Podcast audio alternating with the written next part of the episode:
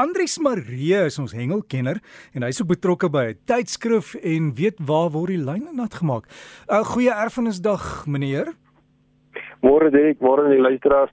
Ja nee, wat 'n bevoordeelde dag het ons om so 'n heerlike dag te hê met die weer wat so lekker warm is. Ek voel dit so windstil vanoggend Dirk so nee, en die son wat sy kop uitsteek, sê ons gaan 'n lekker braaidag hê vandag. Ja, en uh, jy het gesê daar waar jy is, het jy back and close hier, so jy's maar met 'n ou visie op die kolle sit, né? Nee? Ja nee, Derek, hier by ons het ons onlangs groot probleme gehad. So nou soek ons maar enige ding om te braai. So die naaste wat ons hier by ons het vir die Vaalrivier het, is maar 'n visiekie. Ja, maar maar dis 'n ernstige saak hier die back and claw mes moet besop wat oor die grense heen gaan dat hierdie goed nie versprei nie. Maar waar word die lyne nat gemaak en was daar kompetisies?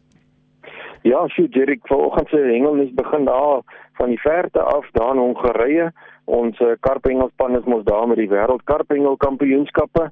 En uh, op hierdie stadium met die laaste weeg, dit was nou gisternag gewees wat die uitslag bekend gemaak is.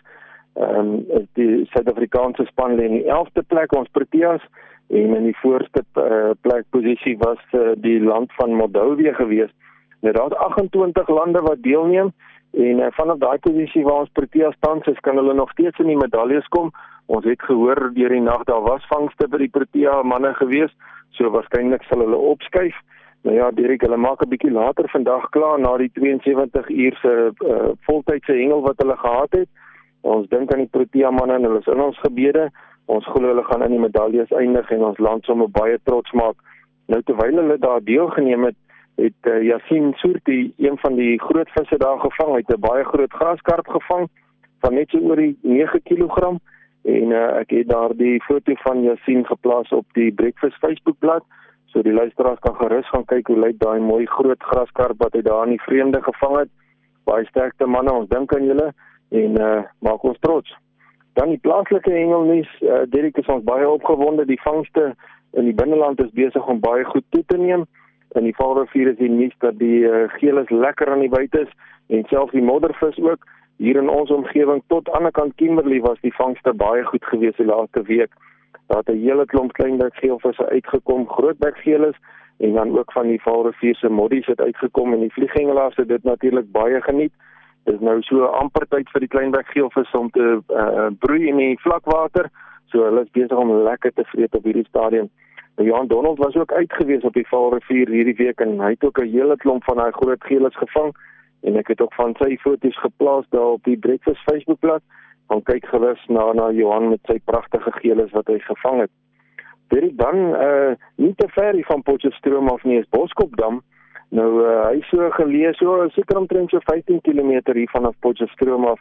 Nou die dam is bekend vir sy uh pragtige swartbaars en um, geelvisse en uh, ook die moddervisse en dan die aardige ding waarvoor hy ook bekend is vir sy watergras. Nou die dam het heel wat watergras. Soos jy sien, toe gaan moet jy maar verkieslik met 'n bootjie gaan Daar is nie regtig baie plek wat jy van die kant af kan vang nie, maar wat wel waar is, die die moddervisse in Boskopdam is baie groot. Uh en hierdie uh, onlangse tyd het uh, daar 'n moddervis uitgekom van 2.7 kg. Nou enige oeverhengelaar wat sy sout werd is, sal vir jou sê dis 'n reuse moddervis. En uh, daar's ook 'n pragtige foto wat ek daarvan gekry het van Andre Olivier af. Ek gaan hom ook daar op die Facebook bladsy plaas. Gaan kyk gerus na daai groot skof van daai moddervis, 'n pragtige moddervis.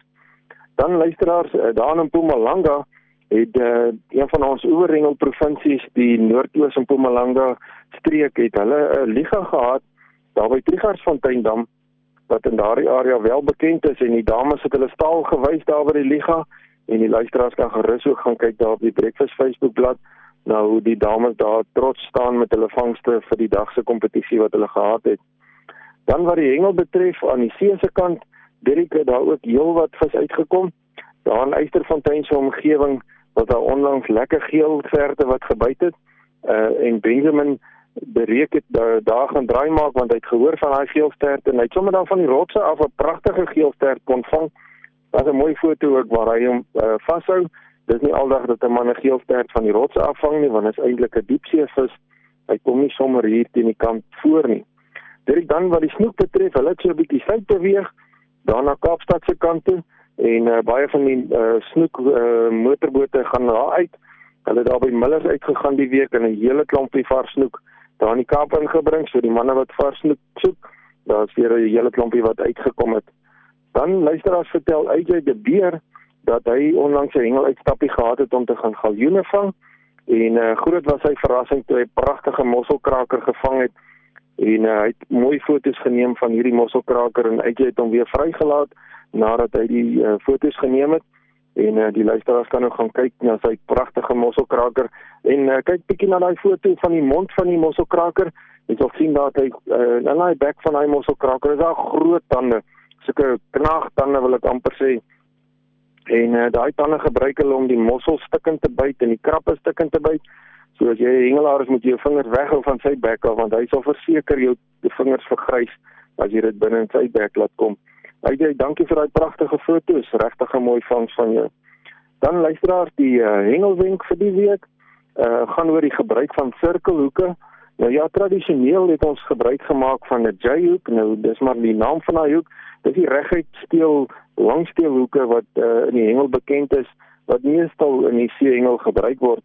Nou die onlangse tegnologie het uh, die sirkelhoeke ontwikkel en glo my dat al lyk daai daai hoek so bietjie snaaks Dis 'n baie wonderlike hoek en hy word wêreldwyd gebruik deur miljoene hengelaars. En uh, die hoek se vermoë om 'n goeie haak te kry in die vissebek wanneer hy uh, hom byt is baie goed en uh, wanneer jy die vis speel is die kans baie skraal dat hy van daardie hoek kan afkom. Maar die wonderlike is as jy die hoek eers wil uithaal, dan kom hy sommer maklik uit die vissebek uit. Want uh, die ontwerp van die hoek is van so 'n aard dat hy goed hak, maar maklik uitkom as jy hom uh, reg hanteer en uh, die vis, die hoek se potensiaal om die vis se bek te skeer is ook baie min so hy doen ook nie baie skade aan die vis se bek as jy dan nou met hom gespeel het nie. Daar's 'n pragtige foto wat uh, uit jy die beer geneem het van daardie hoek wat hy dan nou gebruik het om my mosselkraker te vang so die luisteraars kan gerus gaan kyk na die sirkelhoek daar op die breakfast Facebookblad.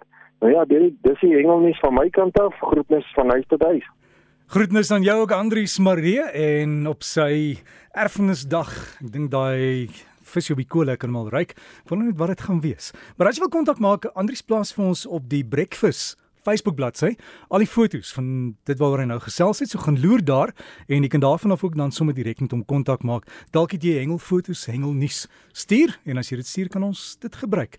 En daar's ook 'n e-posadres hengel by rsg.co www.rsg.co.za. Hengel by rsg.co.za.